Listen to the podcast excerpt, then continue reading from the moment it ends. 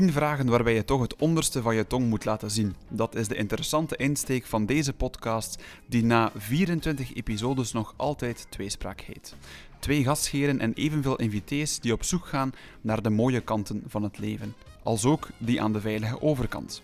Steven en mezelf gaan ook vandaag weer een goed uur op weg met twee boeiende medemensen. Aminata Demba is een Belgisch-Malinese actrice en presentatrice. Ze was afgelopen jaar te zien in tal van theatervoorstellingen en tv-series en maakte de documentaire Pelikaan staat 20 rond het thema migratie. Stefan Lammertijn noemt zichzelf een social media evangelist, had een eigen communicatiebedrijf en schreef het boek Alles met Mate. Hij werkt vandaag als persverantwoordelijke bij AZ Groeningen. Vanavond komen de wegen van Aminata en Stefan als bij toeval samen in tweespraak. Welkom Aminata en uh, Stefan. Misschien beginnen met de klassieke vraag. Is er een bepaalde link tussen jullie beiden op vandaag? Aminata. vandaag. ja, vandaag. vandaag is de startlink. Ja. Heb je op voorhand, Stefan, ook een klassieke vraag ondertussen gegoogeld of opgezocht? Nee, nee. dat heb ik niet gedaan. Nee. Ik, ik weet ook pas van vandaag dat hij het is. Dus. Ja. ja. Ik heb dat uh, met jou wel gedaan, maar ik kende jou niet. En dat is eigenlijk een, letterlijk en figuurlijk een gat in mijn cultuur, denk ik. Oké. Fantastisch, super. Dus alles is een, een, boeiende eerste kennismaking. Ben je trouwens iemand die houdt van theater, Stefan? En die, uh, ja, want ik speel, het iedere, ik speel het iedere dag zelf, dus... Uh... ik ook. Dat hebben we dan al gemeen.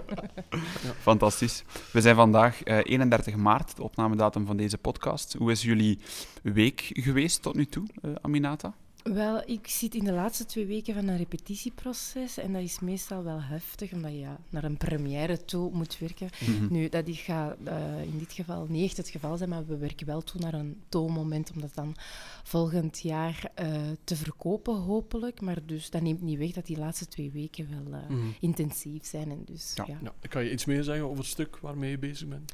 Um, ik ben samen aan het werken met Aisha Sissé en Frédéric Leconte. Frédéric Leconte is een regisseuse. En wij zijn een team van drie die uh, zeven jaar geleden ook een eerste theaterstuk hebben gemaakt mm. onder uh, Michael de Kook bij het Arsenaal Mechelen.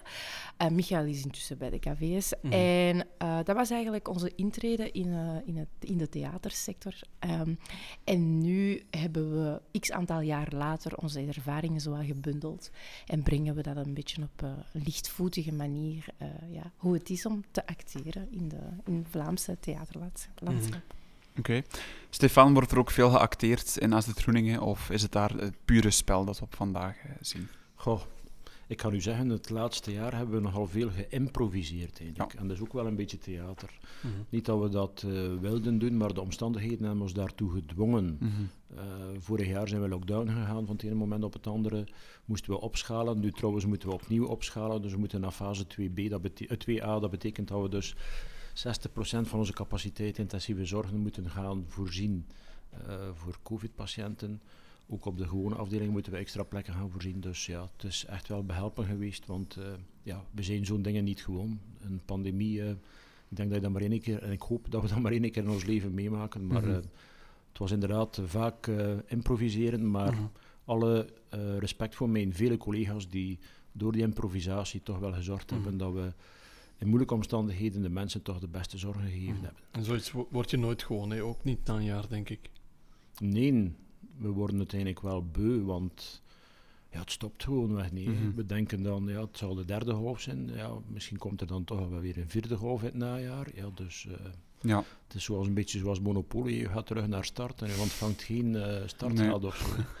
nee, want je zei het daarnet uh, al toen je hier, hier aankwam, dat je, VRT is langs geweest, VTM komt ja. langs om de COVID-afdeling te filmen. Wat doet dat met jou als mens om, om die mensen daar nog, nog eens rond te leiden? Vorig jaar in maart ben ik met uh, Katja van de VRT in de COVID-zone geweest. En ik had het daar eigenlijk wel moeilijk mee. Uh, mentaal dan. Want ik dacht van, alleen mensen mogen hun eigen uh, familie niet komen bezoeken door COVID. En ik ga hier met wildvreemde journalisten een keer de COVID-zone binnen. Ja, dat, dat wrong met mijn geweten. Mm -hmm. Maar dan heb ik heel snel uh, gedacht van ja, maar het is goed dat de mensen wel die beelden zien. Hè. Ik, uh, dat ze weten hoe het eraan toe gaat op intensieve zorg. Dat ze een keer zien hoe dan een patiënt als hij beademd wordt op zijn buik, hoe dat, dat is.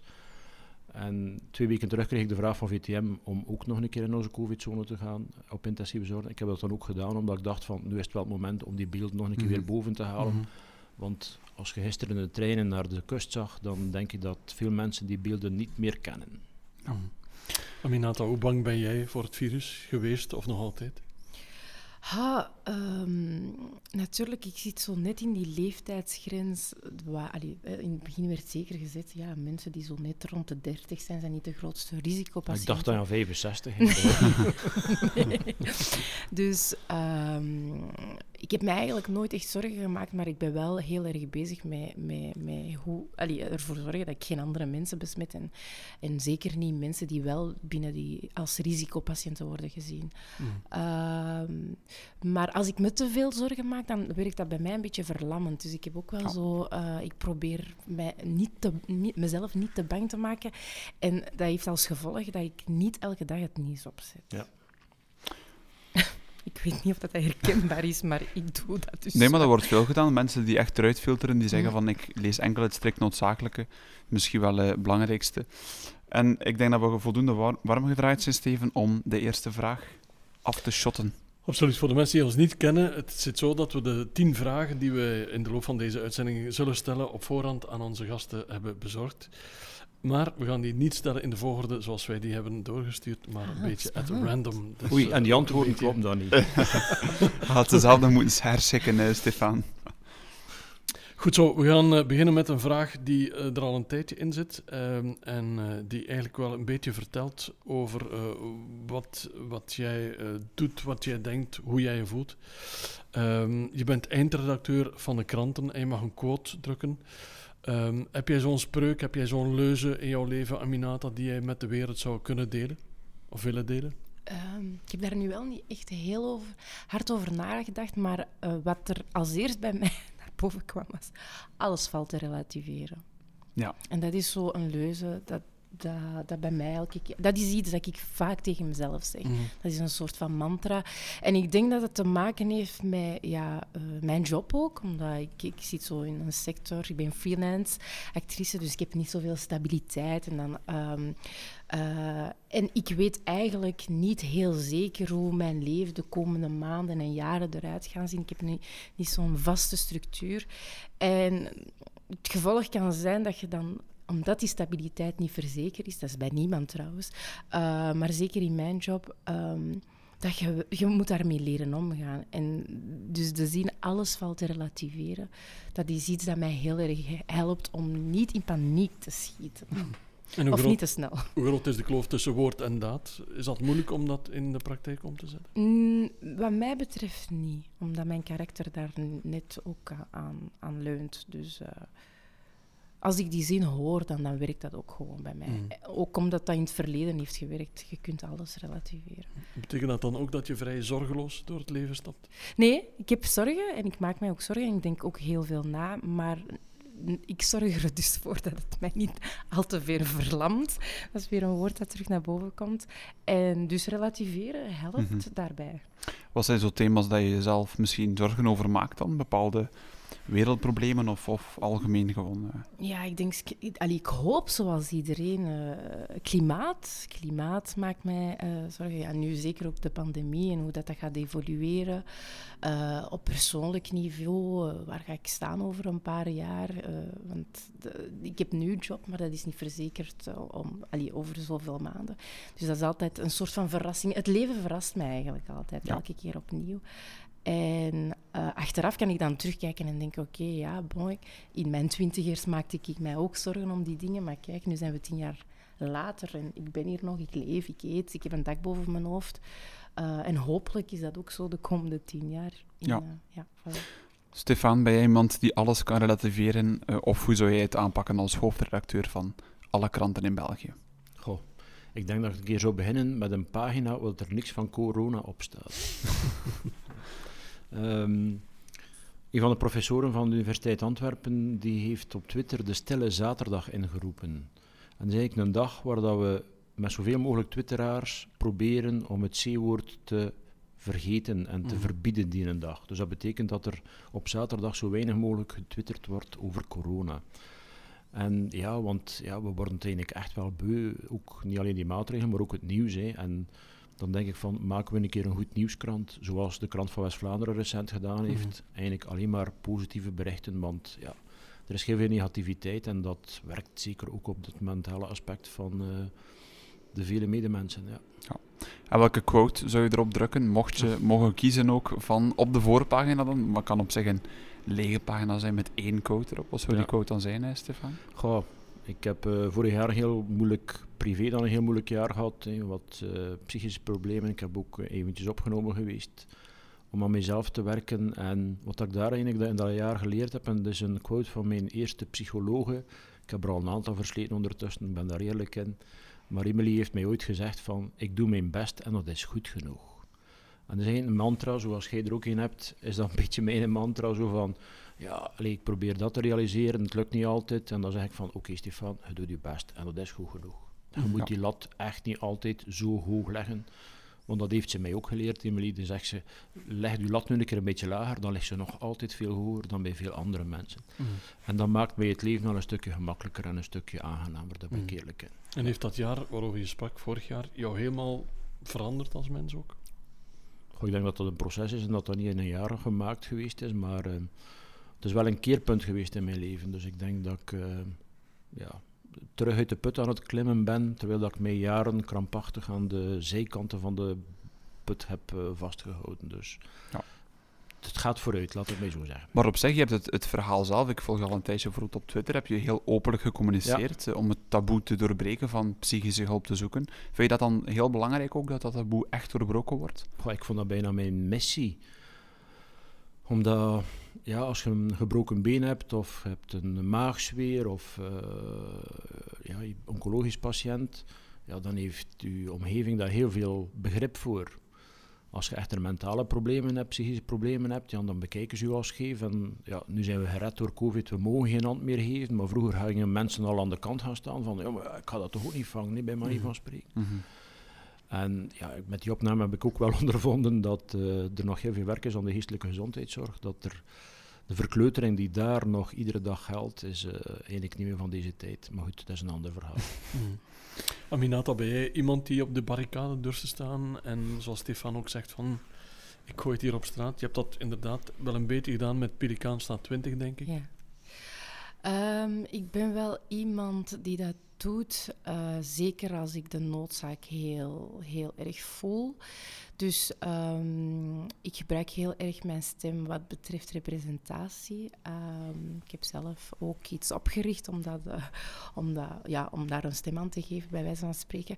Ehm, en ja, ik en representatie is voor mij ook heel breed. Dus dat gaat over hè, meer zwarte mensen zien in onze beeldtaal en beeldvorming en in films Mhm. en televisie.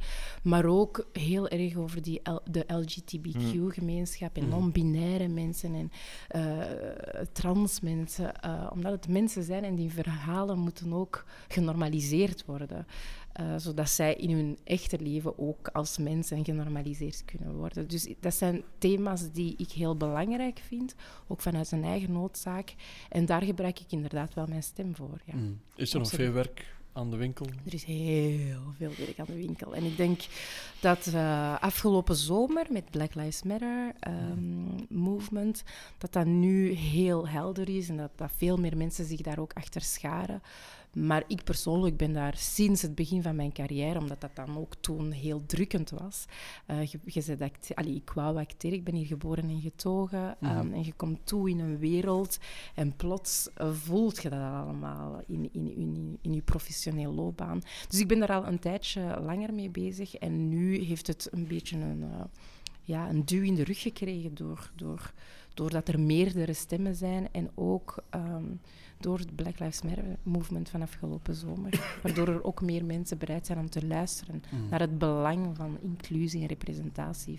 Zeker voor, voor, voor, ehm, voor generaties die hier al tweede, drie, allee, tweede, derde, vierde generatie mensen met een migratie, die eigenlijk misschien ook gewoon meer Belgisch zijn, of Vlaams, of Wallonisch.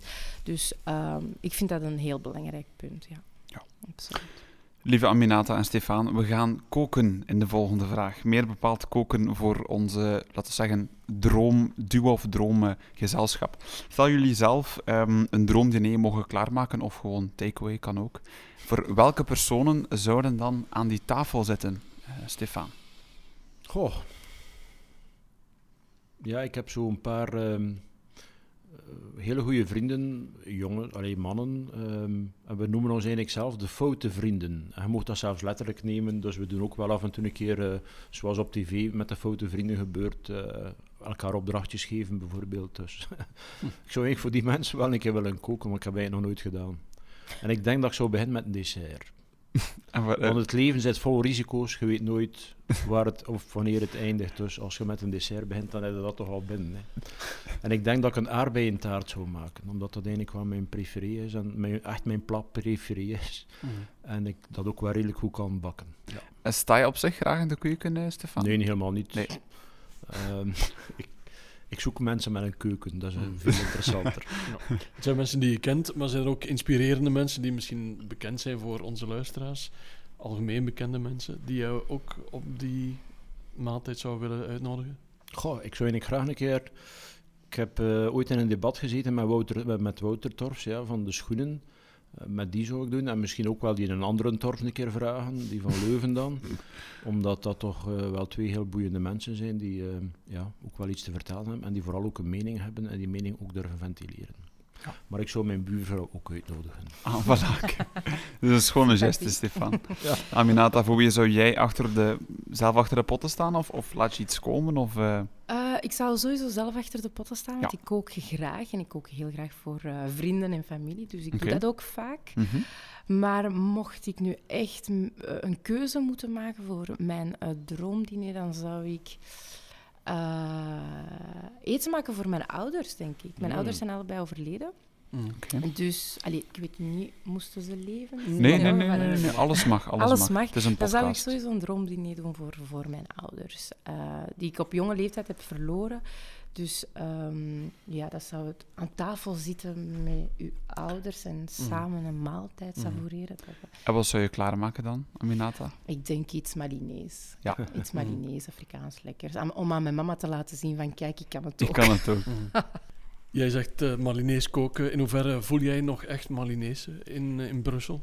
Ik, ben, ik voel mij helemaal 100% Malinees, maar ik voel mij even ook Vlaams of Belgisch, want ik ben hier geboren, getogen, naar school gegaan, vrienden, familieleden die hier zijn. Dus um, um, allebei voor mij. Um, ja, Mm -hmm. Allebei. En ik ga ook heel vaak terug naar Mali. Ik ken mm -hmm. mijn familieleden daar ook. Mm -hmm. uh, dus ja, dat is. Dat, dat, is, dat, is, dat zijn deelidentiteiten, zoals ze zeggen. Mali is zo'n land dat we niet allemaal heel goed kennen, denk ik. Waarom moeten we ooit eens naar Mali gaan? Omdat het eerst en vooral heel sympathieke mensen zijn. Omdat het een heel mooi land is, nog zeer authentiek. Um, West-Afrika heeft gewoon op cultureel vlak heel veel te bieden. Um, misschien niet qua natuur of zo, want er is geen zee. Er is wel een heel mooie Niger-rivier. Maar um, wat ik zelf heel fijn vind aan Mali is echt gewoon het ontmoeten van de Malinezen en, en hun, mijn dagen met hen, met hen uh, spenderen en, en de cultuur opsnuiven en zo verrijkt worden door hoe het leven daar anders is, maar toch ook heel mooi. Mm. Is er zo'n typisch, ben ik heel, heel curieus gewoon, een typisch gerecht waar je zegt van ik zou iets gekend maken? Is er een gerecht dat je kan benoemen dat je zegt van dat eet ik zelf heel graag of dat is echt super 100% uh, Mali? Uh, mafe is het eerste dat in mij opkomt. Dat is een uh, lekkere tomatensaus met pindakaas. Mm -hmm. En dat moet heel lang uh, koken, drie uur denk ik.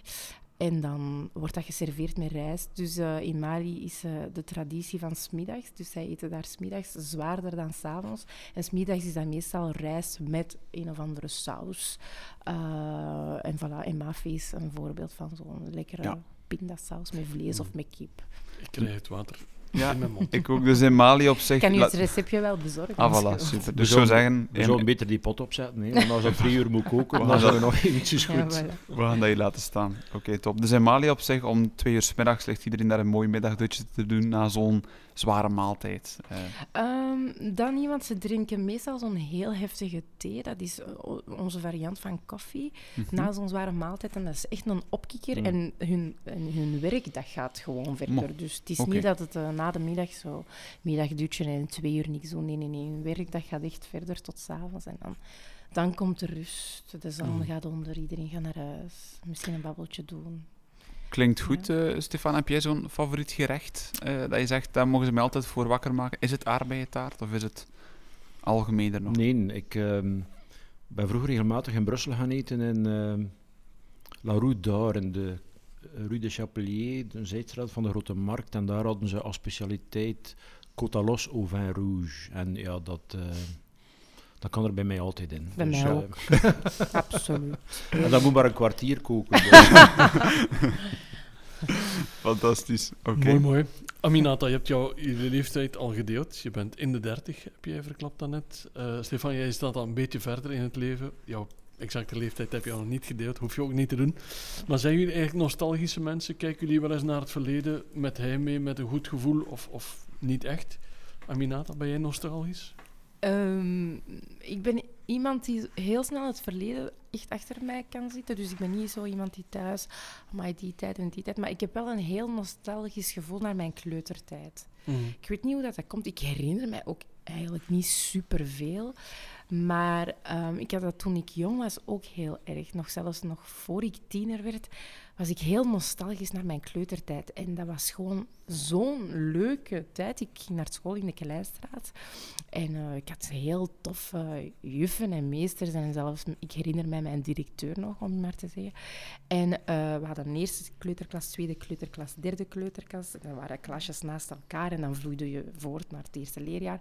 En dus die eerste, tweede en derde kleuterklas, die periode, heb ik een heel groot nostalgisch gevoel naar. Mm. Omdat het, ja, het leven was zo mooi, hè. Zo, geen zorgen. Zorgeloos, ja. Alleen maar spelen. Dat heb ik wel. Maar niet per se... En, maar, maar dat is het dan ook, of zo.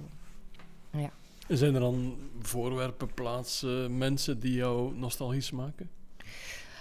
Ehm, ja, voorwerpen. ehm, ik heb er onlangs een voorstelling over gemaakt voor kinderen. En dat was vertrokken van eh, mijn moeder, die overleden is toen ik 18 was.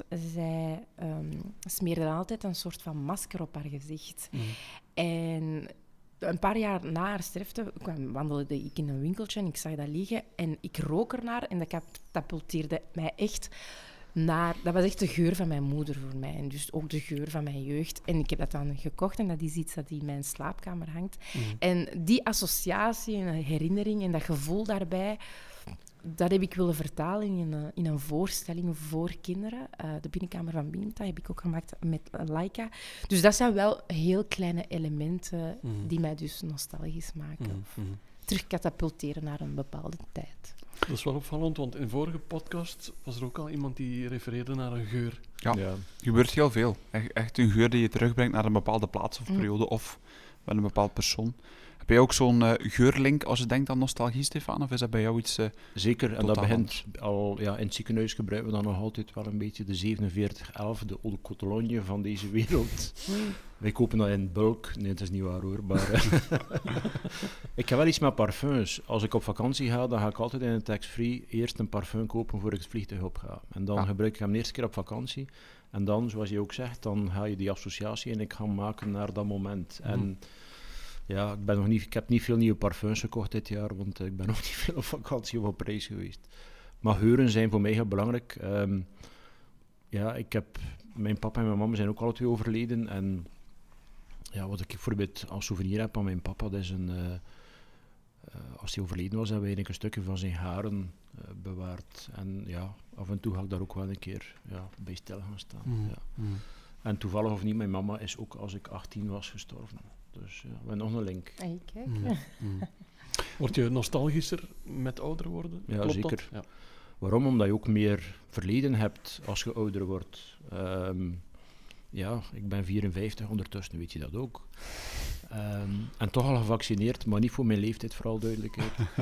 maar ehm, ja, het is wel zo dat je, ja, je hebt veel meer herinneringen en ja, ik probeer die ook wel levendig te houden. Wat ik ook in dat afgelopen jaar geleerd heb, dat is eigenlijk dat vroeger waren voor mij herinneringen altijd negatief. Er was daar nooit een positieve connotatie aan. Terwijl de herinneringen best wel positief kunnen zijn. En dat heb ik echt ook wel dit jaar geleerd om effectief uh, herinneringen ook te koesteren en mooi te vinden en nog een keer opnieuw op te roepen. Ja. Maar ik probeer ook wel vooruit te kijken in plaats van uh, blijvend in dat uh, verleden te graven. Ja. En uh, hebben jullie dan zelf bijvoorbeeld een herinneringendoos thuis waar je dingen instopt van vroeger die het zijn foto's, uh, cinematiekets. zijn jullie echt mensen die daaraan vasthouden of is dat net een, een stap te ver? Ik deed dat vroeger. Dus ik heb nu zo wel een doos met foto's en concerttickets. Dat vind ik nu wel heel leuk. Ja. Want uh, vroeger, hè, als je naar een concert ging, je kocht een ticket en dat stond dan de naam van de artiest op. En ik heb dus zo'n doos vol. Nu is dat tegenwoordig allemaal digitaal, dat wordt niet meer geprint en zo. Um, en, en af en toe had ik ook wel dagboekfragmenten als ik echt mm wou, oké, dit moet ik her, dit moet ik onthouden of ooit eens teruglezen. Maar wat ik heel jammer vind aan mezelf, is dat ik zoveel vergeet. Ik vergeet zoveel en dat is mijn brein en hoe mijn brein werkt. Ik ben bijvoorbeeld al vaak op vakantie geweest met vriendinnen en jaren later kunnen zij dat helemaal terugvertellen. En bij mij is dat echt...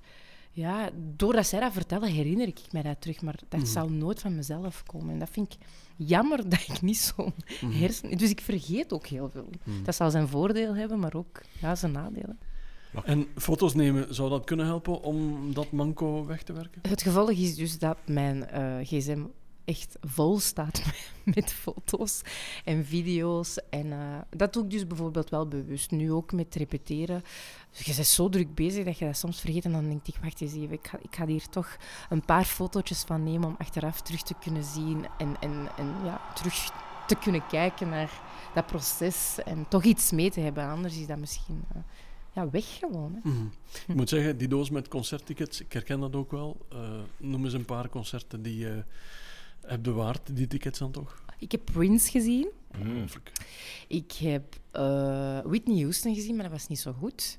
Ik, heb, uh, ik ben heel erg ook in de R&B en hip-hop wereld, mm -hmm. dus ik heb zo Snoop Dogg gezien en Amai. Puff Daddy en LL Cool J, dat voor mij ook wel zo een klassieker was. Um, ja, wie nog? Uh, ja, heel veel in Brussel, in de AB eigenlijk. Mm -hmm. Maar zie, namen. Dus ik moet echt terug in mijn doos gaan om te zien wie. Ben jij een uh, muziek van, Stefan? Ja, maar ik heb één moeite, dat is de lyrics. Daar kan ik niet mee om. Uh, dus ik ben fan van Max Richter, omdat daar geen uh, lyrics aan gekoppeld zijn. maar heel divers zijn. Ik, ik luister heel veel naar ehm, ja, een bepaalde radiozender, ABC Lounge, Jazz. En ja. die maakt een hele mooie mix. En dan ben ik op mijn gemak als ze dat speelt. Dus dan ja. moet ik niet te veel... Uh, maar Spotify is natuurlijk ook wel mijn ding. En dan... Uh, trouwens, naar nostalgie. Ja, ik, uh, ik denk dat ik een van de eerste was van mijn vrienden die de app Shazam staan had. Mm -hmm. Ja. Zoveel jaar geleden. Was hij al geboren dan? Ja. ja. um, Shazam, en dan kom ik bij mijn vrienden, allee, bij die foto vrienden, dan zeg ik van, ja, ken je dat liedje? Nee, ah, wacht, hier, met mijn iPhone. En dan, hè, hoe weet je een iPhone dan nu dat dat dat liedje is? Mm. Ja, Shazam. Zoveel jaar later is dat uh, ja, de normaalste zaak van de wereld eigenlijk. Hè. Ja. Top.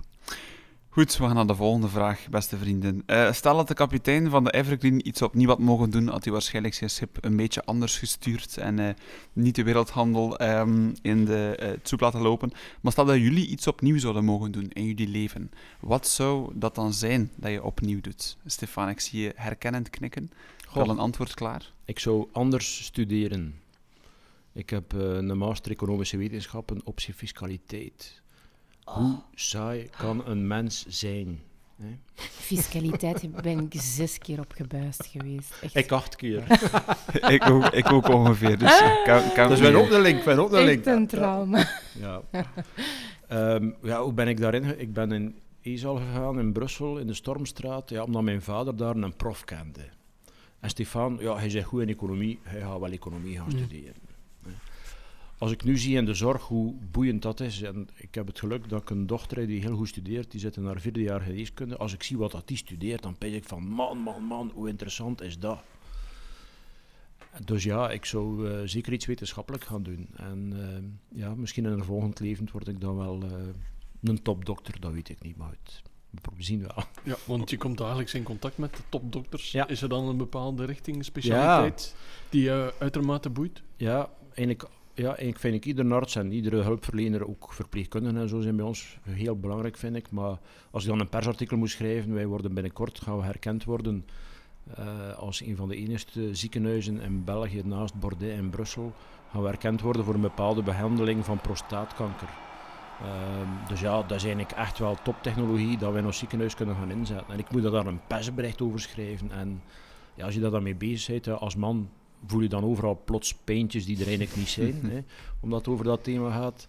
Maar dan ook dat wetenschappelijke, daar ga ik me daar inderdaad gaan in verdiepen. In die, het is lutetium dat we effectief als uh, radioactieve stof gaan inbrengen bij uh, prostaatpatiënten. Uh, ja, dan interesseert mij dat mateloos om mij daarin te gaan verdiepen en te zien hoe dat, dat werkt. En, en ik kreeg dan een heel mooi compliment van de arts in kwestie. Die zei van Stefan, je hebt dat perfect verwoord in een verstaanbare taal. Want mm. ja, dat is ook nog iets. Hè. Ja.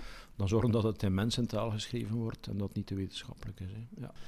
Aminata, we leggen ook de vraag aan jou voor. Jij mag iets opnieuw doen in jouw leven. Wat zou je dan kiezen? Ik zou misschien meteen na mijn humaniora de theaterschool gedaan hebben. Dat heb ik nu niet gedaan. Mhm. Wat heb je dan eerst gedaan? Ik heb eerst uh, eh, KDG, um, event- en projectmanagement gestudeerd. En daarna een master cultuurmanagement te studeren. En daar heb ik op zich geen spijt van, maar um, ik had wel willen weten wat het is om op een theaterschool echt vier jaar te zitten die ervaring. Als ik acteurs, uh, mijn mede-collega's daarover hoor spreken en generatiegenoten en hoe dat die ja, vier jaar hun tijd hebben gespendeerd en elkaar kennen en samen groeien, dan denk ik vaak, ah ja, ik had wel weten hoe dat, dat is op zo'n studio Herman Terling in die tijd, of les krijgen van Dora van der Groen, of... Um, dat is een soort van nieuwsgierigheid. Ik weet niet of ik het... Want ik heb theaterschool gedaan, één jaar. Ik heb het niet afgemaakt. Maar die verhalen maken mij heel nieuwsgierig naar die plek en, en, en samen tijd spenderen, vier jaar, met, met eigenlijk de mensen waarmee dat mhm. je gaat bouwen, gaat bouwen en verhalen vertellen voornamelijk. Mm. Zou het van jou een andere actrice gemaakt hebben, denk je? Met die opleiding erbij? Ja, maar mensen niet per se beter of zo. Sowieso anders wel, ja. Misschien technischer. Heb je op vlak van acteren nog bepaalde dromen? In de zin van uh, bepaalde landen dat je zou willen acteren of bepaalde producties? Of, of zie je jezelf daarin nog op een bepaalde manier evolueren? Goh, mijn droom momenteel is gewoon te blijven maken en creëren en blijven mijn eigen fantasieën en, en uh, ambities tot leven roepen. Dus ik heb niet per se zoiets van ik wil met die persoon ik, of met die persoon. Ik vind het voornamelijk spannend als ik zelf iets gemaakt heb met een theatergezelschap en dat dat dan zijn plek vindt in, in Duitsland bijvoorbeeld. Mhm. Dat is het mhm. geval met een voorstelling. Of dat, dat ik dat dan eens in, in het Frans kan spelen voor een Frans publiek. En dat dat zo zijn eigen leventje gaat ga leiden. Dat vind ik spannender dan... dan uh, dan, uh, dan het omgekeren of zo. Ja. Mhm. En ben je dan iemand die liever speelt of toch liever creëert? Ik vraag het je omdat we heel lang geleden Matthias Circuit gast hadden in onze eerste aflevering. En die zei van die combinatie is eigenlijk ideaal. En spelen en creëren. Heb jij dat ook? Ja, uh, ik dacht eerst dat ik voornamelijk een speelster was, maar eigenlijk ben ik sowieso ook iemand die creëert. En omdat ik, ik heb een ondernemend kantje aan mij, dus um, ik, ik, ik, ik, ik hou niet van passief wachten totdat iemand komt zeggen: Hé hey, Amina, ik wil jou in mijn volgend theaterstuk. Dus uh, ik denk dat ik een iets te grote ambitie heb om, om die afwachtende houding, de houding te hebben. En in alle eerlijkheid, dat houdt je ook gewoon niet vol. Ik denk als je als je in dit vak wilt uh, overleven, dan moet je ook een beetje ondernemend zijn en mm. nadenken over welke stempel dat je eigenlijk keer op keer wilt uh, zetten. Ja. Goed zo, we gaan de politiek in. Oei. Dat is een actueel thema, want het overheerst uh, het nieuws natuurlijk nog altijd, ook uh, door die coronapandemie. Maar stel dat jij ooit uh, de politiek zou ingaan en je wordt tot premier verkozen. Um, wat zou dan het eerste agendapunt zijn dat op jouw agenda zou staan? Wat wil jij kost wat kost realiseren als premier? Mobiliteit. Allemaal naar zee. Absoluut. Nee, ik zou echt de mobiliteit aanpakken. Ik vind er zijn zo mooie voorbeelden in Europa over hoe het anders kan op vlak van mobiliteit en hoe dat, dat ook het milieu. Uh, dus dat zijn twee thema's die ik echt zou aanpakken omdat ik vind, ja, het is zo, ik vind het echt fijn om in een stad rond te lopen als Brussel of Antwerpen zonder een, een, een, een goed openbaar vervoer, uh, vervoer sorry, dat comfortabel is en betaalbaar en dat mensen aanzet om, om, om dat te nemen in plaats van zo allemaal te blijven vastklampen aan die auto die, mm die eigenlijk zo slecht is voor, voor onze toekomst en nog, nog veel meer dingen. Maar dat zijn wel de twee thematieken die ik echt milieu en mobiliteit, dat is uh, ja, absoluut. Je woont, je woont in Brussel, hoe zit het daar met de mobiliteit? Kan het daar beter? Of? Helemaal. Ik dacht dat het in Antwerpen al erg was, maar ik woon in Schaarbeek op een heel drukke baan. En daar elke dag stel ik mij de vraag, ja, waarom bannen ze gewoon die auto's niet weg? Dat is, dat is echt verschrikkelijk. Ik zet daar gewoon tramsporen, bussen. Uh, ik betaal daar heel graag mijn belastingen voor, zodat dat netwerk gewoon veel breder en beter wordt uh, ja, uh, uitgerold. En dat, dat wij als mensen veel makkelijker ons, ons kunnen verplaatsen. En die noodzaak om die auto altijd te pakken, gewoon van ons afschudden. Herken je dat zelf ook, uh, Stefan, de auto nemen voor alles? Of ben je iemand die daar ook wel bewust mee bezig is? Ah, ik probeer toch wel... Ik rij elektrisch ondertussen, dus uh, dat is al een grote, vind ik. Hey. Um, altijd spannend om uw wagen uh, in hang te krijgen dan. Ja, luisteraars zien het niet, maar Abinata stak haar duim op. Ja. Lukt dat In die richting of in die richting? in die eerste, in de eerste richting het is uiteindelijk toch een, een, een beetje een nieuwe levensstijl ook, elektrisch rijden. Uh, langer opladen. Uh. Nu, ik rij al twee jaar met een aanloopwagen. Ik heb nu een eentje besteld, allee, een, een, een, een, elektrische wagen besteld, uh, voor mijn eigen nu. Ja, ik wil niet meer veranderen, omdat dat alleen al het geluid, de stilte in uw auto, geen verbrandingsmotor die trilt of die lawaai maakt of die uitstoot dus ja, voor mij is dat echt een. Ja. En goed, ik ben ook wel iemand die graag mee is met de nieuwste dingen. Dus ja, je hebt tientallen apps om te laden en, en dingen uit te zoeken. Dus dat is ook wel een beetje Sherlock spelen dan op dat moment. En dat maakt het wel leuk om uh, ja, die nieuwe wereld te gaan ontdekken. En ik kan alleen maar zeggen, ik volg u daar volledig in, uw twee uh, items dat je echt naar voren wil brengen. Ik uh, meteen voor u stemmen. Amai. Demba 1 is een feit. en stel dat we spreken over uh, premier Lambertijn, wat zou het dan uh, voor jou zijn? Uh, Congé voor iedereen. Congé voor iedereen. ja, als ik het maar heb over de huidige pandemie, ik weet niet als dat past. Ja, dan zou ik toch wel helemaal anders die vaccinatiestrategie gaan aanpakken. Dan denk ik dat iedere spuit moet eruit. En dat gebeurt nu veel te weinig. Uh, mensen gaan massaal naar de zee. Ja, waarom ga je die dan niet gaan vaccineren in een station bijvoorbeeld, voordat ze een trein opgaan? Als die mensen daar toch zijn, bij manier van spreken. Natuurlijk, we moeten vaccins hebben, dat weet ik ook wel. En voor de rest probeer ik meer en meer mee uh, minder op te jagen in de politiek. Uh, omdat je uiteindelijk daar toch niks kunt aan doen. En mm -hmm. dan is dat ook veel beter voor mijn gemoedsrust. Mm -hmm. Want je bent een vervente twitteraar, maar over politiek... Nee, omdat, ja, ik, ik ga mij daar niet aan wagen, omdat dat... Ja, dat accordeert ook niet met mijn functie. Uh, alhoewel dat ik wel een mening heb daarover, maar ik probeer inderdaad dat toch wel wat... Uh, te scheiden. Te scheiden of blauw-blauw te laten. Allee, ja, blauw-blauw of oranje of rood-rood. Uh, allee, doet er niet toe, maar ik probeer het toch wel wat gescheiden te houden, omdat je nog altijd dat petje aan hebt als perswoordvoerder van een ziekenhuis mm en ik wil mhm. daar ook niet op afgerekend mhm. worden. Maar als de treinen veel te vol zitten, dan ga je daar wel op in. Ja, en dan, ik heb gisteren uh, getweet van, uh, ja, met de trein gaan we van de ene IC naar de andere IC. Hè. Dus de IC-trein naar de intensive care bij ons. Mm. Um, ja, dat, zo'n dingen maken mij kwaad. En ja, dan zeg ik vaak, ja, het is duidelijk, het is mensdom mm. en dierenrijk. Nu, je mengt je er op zich niet, uh, niet mee bewust dan, maar bij iemand die op zich wel, mocht het kunnen, een politieke functie zou kunnen uitoefenen? Goh, ik wil wel een kabinetje worden van u hoor, als je dat uh, nodig hebt. Of uw chauffeur. Maar ja, geen chauffeur, geen chauffeur. Ja. Elektrische chauffeur. Elektrische chauffeur, ja. Zou je het op zich... Allee, stel nu dat je, dat je morgen uh, niet per se premier, maar laten we zeggen bijvoorbeeld burgemeester. Ik ben... Is dat iets dat je, dat je zou Goh, kunnen? Ik ben... Nee. Ik, uh, ik ben drie jaar actief geweest op een, op een ministerieel kabinet uh, als adviseur. En dat was een heel toffe ervaring. Dat was echt dicht bij de macht en dan in het hart van de wedstraat zitten.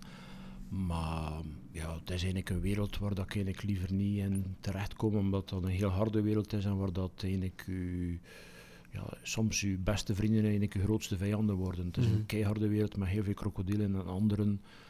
Ja, nee, ik denk, ik ga niet zeggen dat ik dat de softie voor ben, maar ik denk dat dat niet het uh, ideale habitat is voor Mhm. mij. Nee, ik ben Ja. er eerlijk in. Aminata, heb jij iets met politiek of herken je wat Stefan zegt? Eh, Ik heb echt niks met politiek. Ik, ik, ik, ik zie mij... Ik, ik, het is belangrijk natuurlijk omdat je van die positie wel dingen kunt veranderen. Dus, uh, maar zou ik mij eraan wagen? Nee, want ik vind het spel soms zo vuil en zo uh, berekend. En um, soms, ja, nee, ik, uh, ik zou mij er niet aan wagen.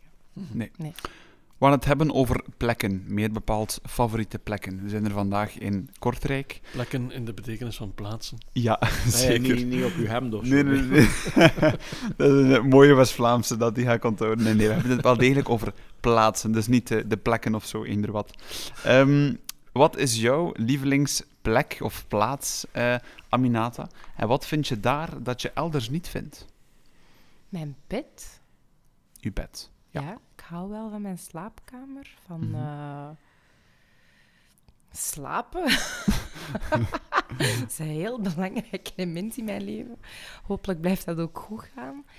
Um, maar ik denk dat ik daarmee bedoel, uh, ja, die plekken, die, die heel intieme zones, zou ik maar zeggen, waar je gewoon lekker jezelf kunt zijn. Kunt dansen voor de spiegel als je wilt. Uh, ja, letterlijk en figuurlijk naakt kunt zijn. Dus dat zijn, dat zijn, dat is, ja, dat is wel een, een belangrijke plek, denk ik. Zo, ja. U spreekt over slaapkamer. Ben je een, een, een ochtendmens? Nee, een, ik ben een nachtmens. Een nachtmens. Absoluut. Dus morgens om zeven uur moeten we jou niet wakker maken Liever niet. om te zeggen, uh, gaan we... Nee, oké. Okay, maar je dus... mocht mij wel echt om half één bellen, bijvoorbeeld. Ja, ja, ja. ja, ja. En heb je ook iets met bepaalde locaties? Ik herinner mij Frank van Laken, de regisseur die hier was, die zei van Gent is toch wel de stad die leeft in mijn hart. Heb jij dat ook ergens met een bepaalde plaats? Ja, ik heb dat sowieso met Antwerpen en uh, met name de stationsbuurt, omdat ik daar de eerste jaren van mijn leven heb gespendeerd. En ik ging heel vaak spelen in, uh, in het Stadspark.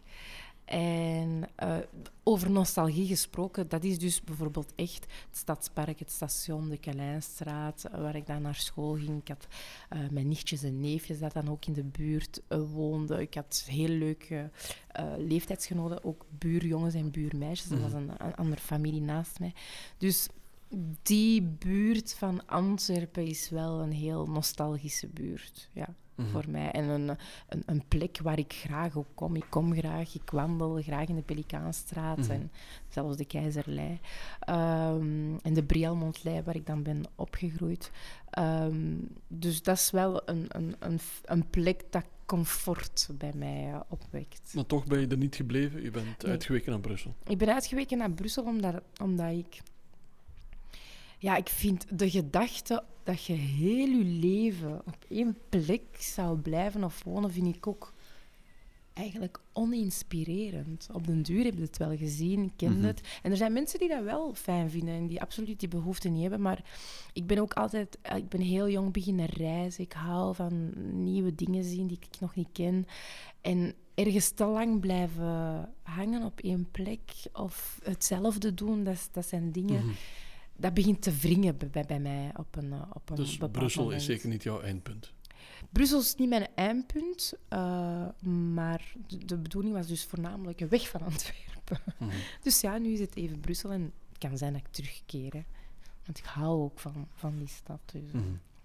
Stefan, heb jij ergens een lievelingsplek, een lievelingsplaats, een lievelingsstad? Ja, ik heb er eigenlijk twee. Eentje dicht bij huis en eentje iets verder. Uh, dicht bij huis is Kemmel. Dat is een uh, deelgemeente van Heuvelland. Uh, ja, dat is de Westhoek. En als je dat toekomt, ja, dan, is dat, dan draait de wereld dan maar half zo snel of bij ons. De jachtigheid is er niet. op het marktpleintje is er één bakker. En super om daar brood te gaan kopen, want je kunt daar je brood laten snijden in de diktes zoals jij wil. ja. Mai. ja, ik denk dat ze...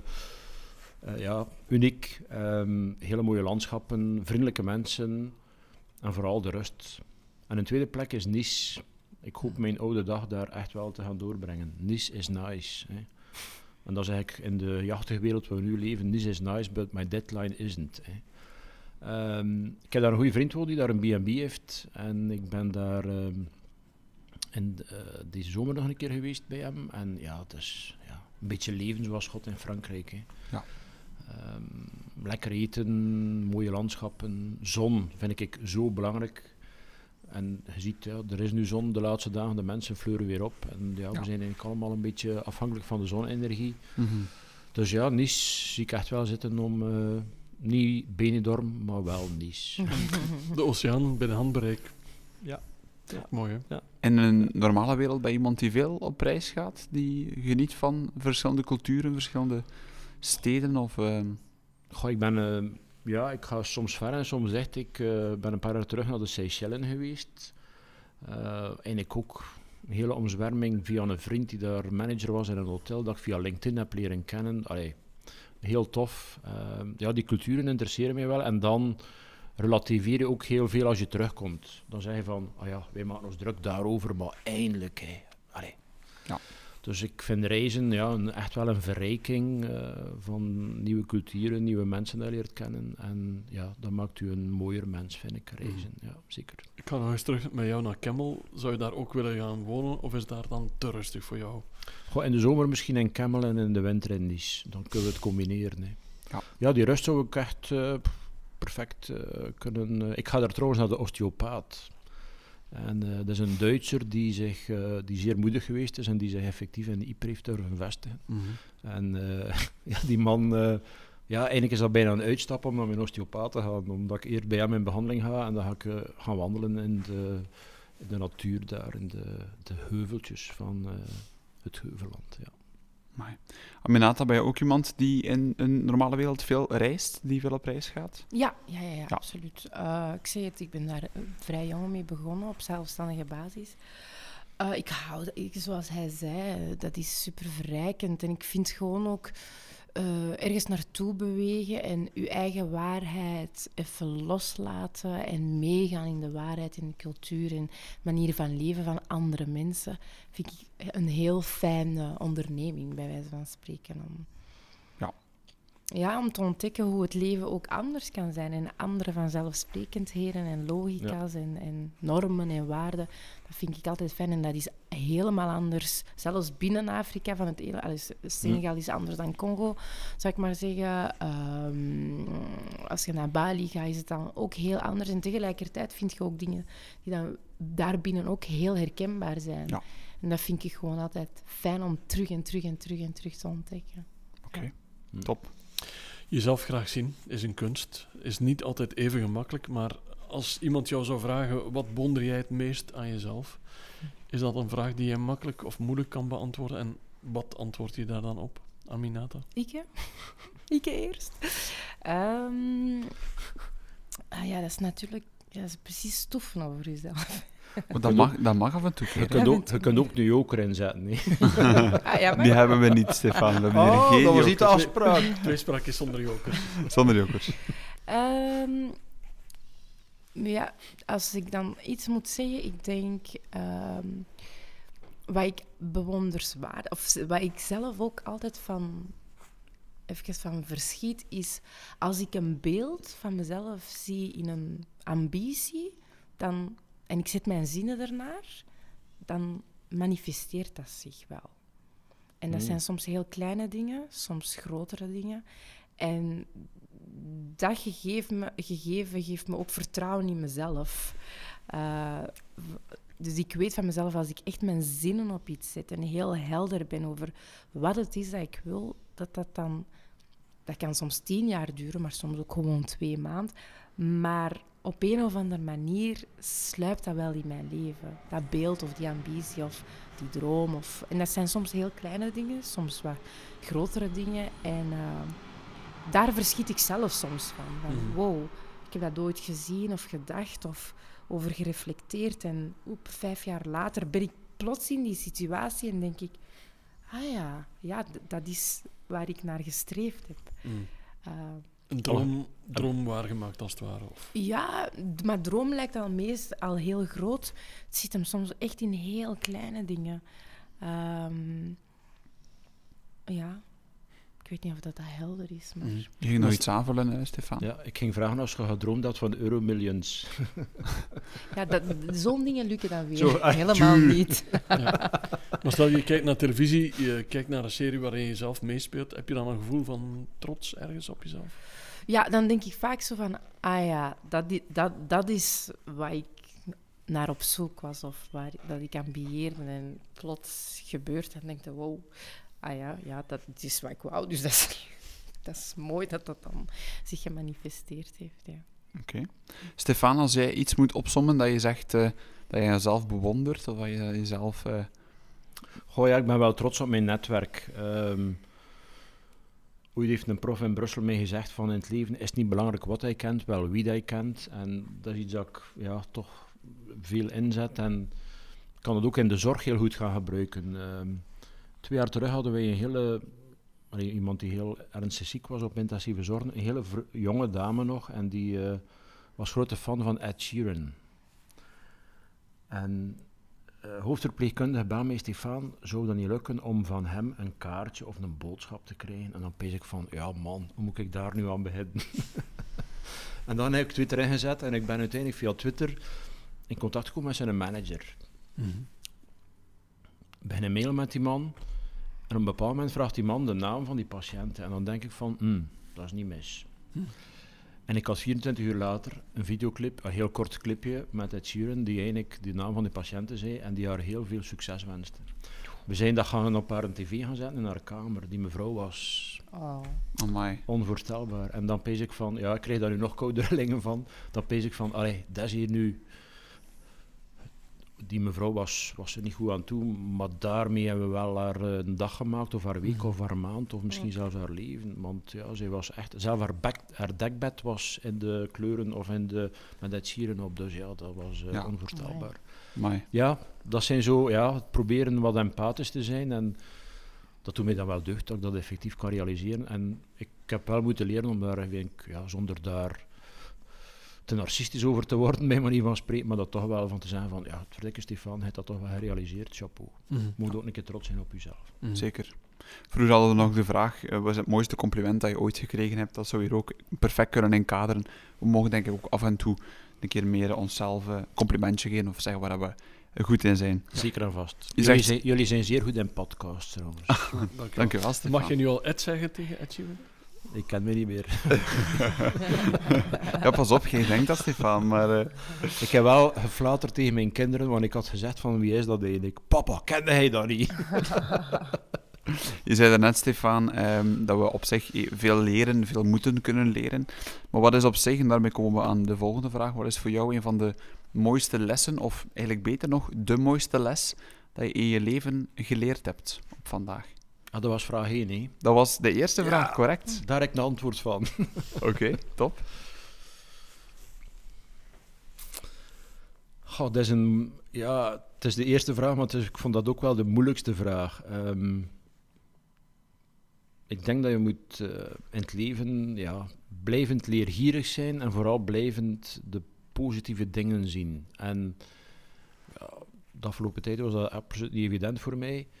Maar ja, het leven is echt wel mooi. En ze zeggen dan, je moet zelf de slingers ophangen. Het is een feest, maar je moet zelf de slingers ophangen. Ja, dat heb ik inderdaad ook wel uh, vastgesteld. En dat probeer ik nu echt wel te doen. En je hebt het ook al verteld, hé, de kleine dingen in het leven. Ik wil echt weer meer back to basics. De kleine, simpele dingen. Een gewone zonsopgang in Nice of in Camel, je mag nog kiezen.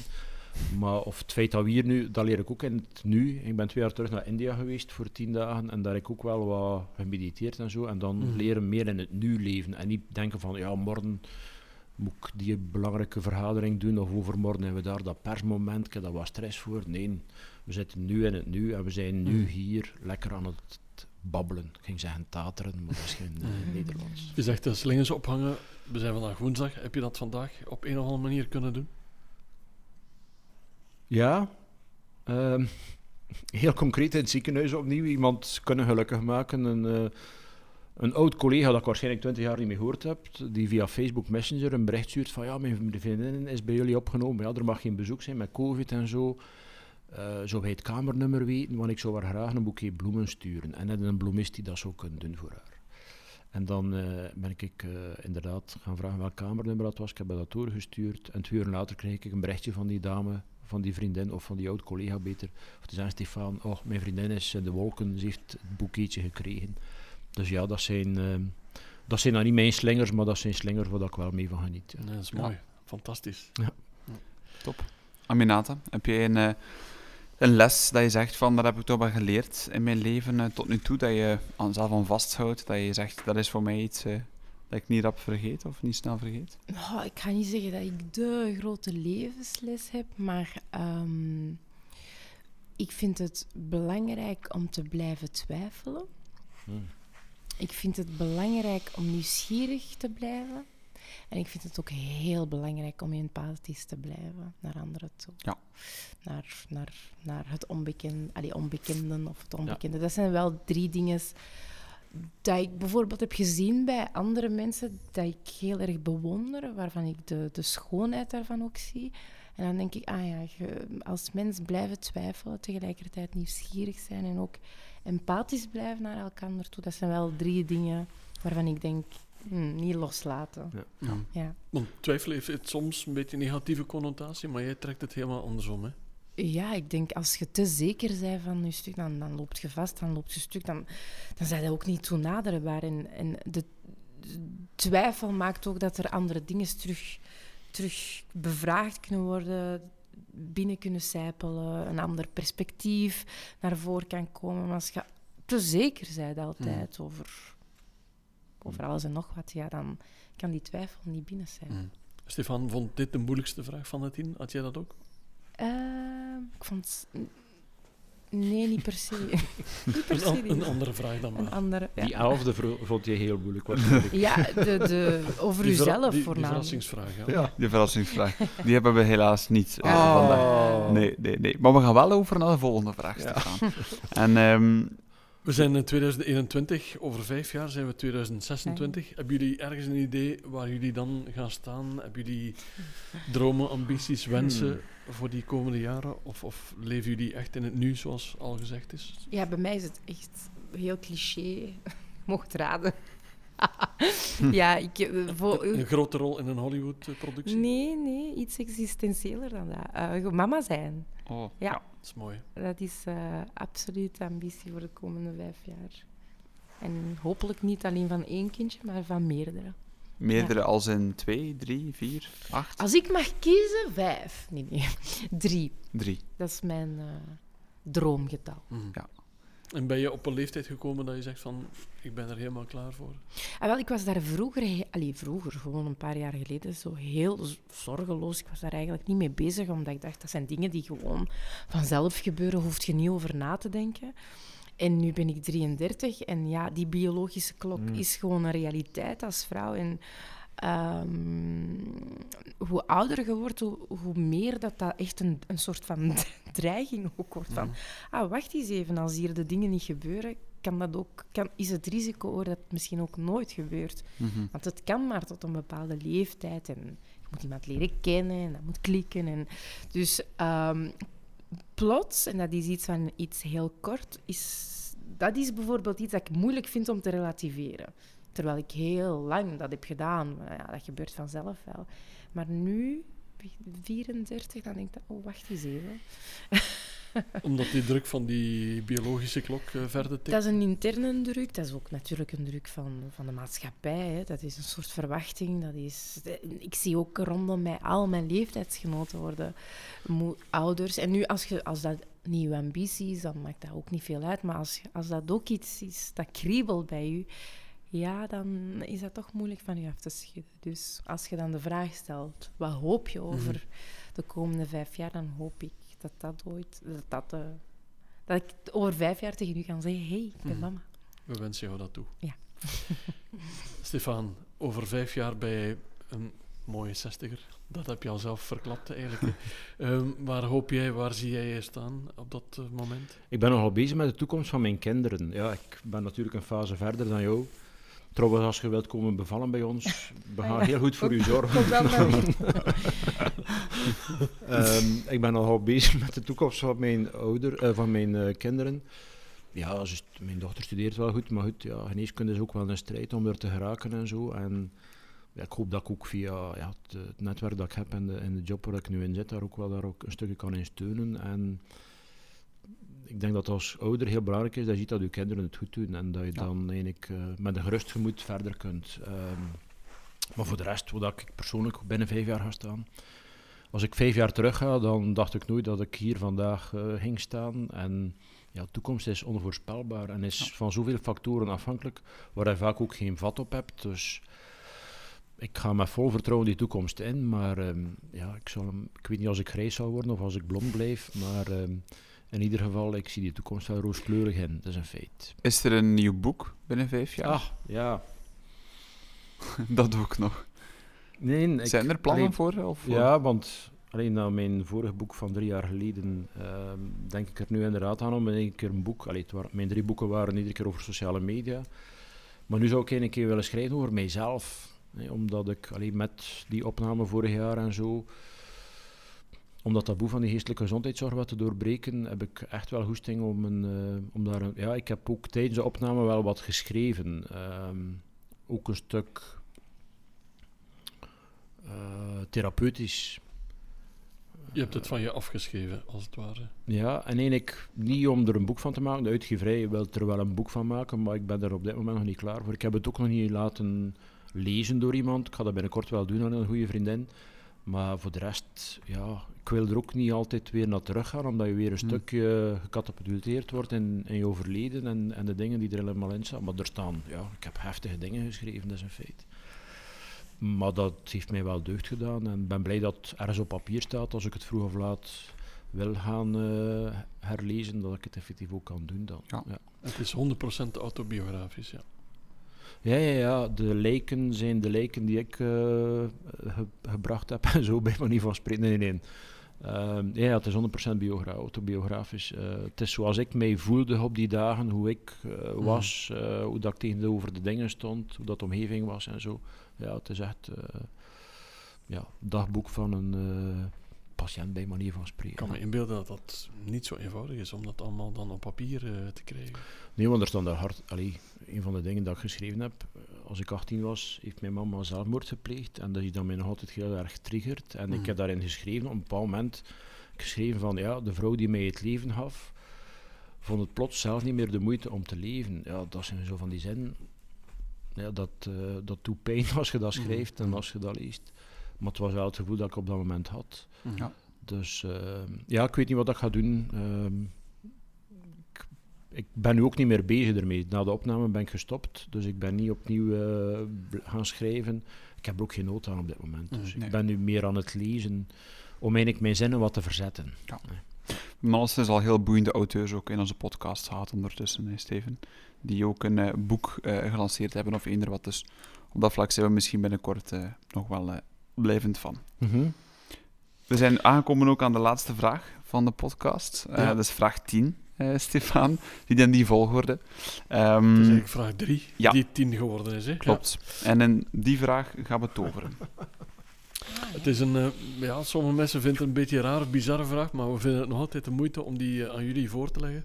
Welke magische gave zou je willen bezitten? Iets wat je nu nog niet kan, wat zou je willen uh, kunnen? Jij eerst. Acteren. ja, nee. Ja, soms voel ik mij echt wel... eh, Speel ik soms wel een rol. Als je de pers moet te woord staan of als je een presentatie heeft. Ja, dat is ook altijd een beetje acteren. En ik... eh, ja, eigenlijk doe ik dat wel heel graag. En moest ik misschien eh Studio Herman Terling gaan volgen of zo, dan eh, kan ik misschien nog in dezelfde klas terechtkomen. Dat zou nog wel leuk zijn. Ehm, ja, dat is eigenlijk een talent dat ik, of een, Mhm. iets dat ik, een gave dat ik misschien wel zou willen kunnen ontwikkelen om daar effectief mee, eh, meer, te gaan, meer mee te gaan doen. Ja. Je kan altijd amateurtheater gaan spelen. Zeker. Ik heb eh, op zich een, een vereniging, Stefan, dus eh, wees welkom. Ik heb daar ooit aan gedacht om effectief toneel te gaan spelen. Alleen dan niet professioneel, maar dan in mijn vrije tijd, bij manier van spreken. Ja. Nu, maar op zich, je, je ziet acteren ook als een magische gave. Uiteraard, heel respect voor acteren zelf. Tuurlijk. Maar zie je, het, zie je het jezelf doen op een dag? Het zij amateur, maar hij zegt van... Om het allemaal wat van u af te, in plaats van te schrijven, af te spelen. Ja, omdat je dan, ja, je gaat dan effectief wel de identiteit van de personage gaan, in, in, allee, je gaat er gaan inleven en je, je, je wordt dan een stukje vereenzelvigd met jouw met jouw eh, rol, hè, met jouw persoon dat je uitbeeldt. En ik ga, graag, ik ga graag naar toneel gaan kijken, ook eh, soms heel eenvoudige dingen hoor. In de Westhoek had je vroeger het, eh, een volkstoneel, Frans-Vlaanderen, hè, met, eh, ik weet niet meer wat hij juist noemde die man, maar Flor, Ba- Flor Barbie.